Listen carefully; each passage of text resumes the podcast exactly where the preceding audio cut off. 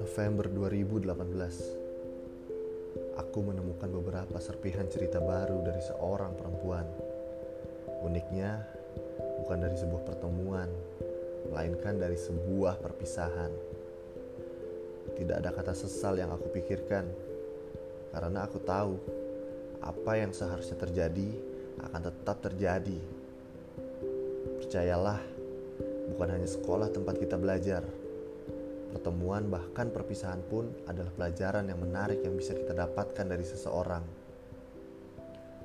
Ketika luas bangun ruang yang bisa kita pelajari di sekolah, denganmu, aku bisa mempelajari luasnya sebuah arti permintaan maaf. Ya, aku tidak mengada-ngada, namun begitulah kenyataannya. Dengan alasanmu yang tidak terduga, aku sangat bisa menerima hal itu. Bahkan, Akulah yang seharusnya meminta maaf, bukan malah kamu.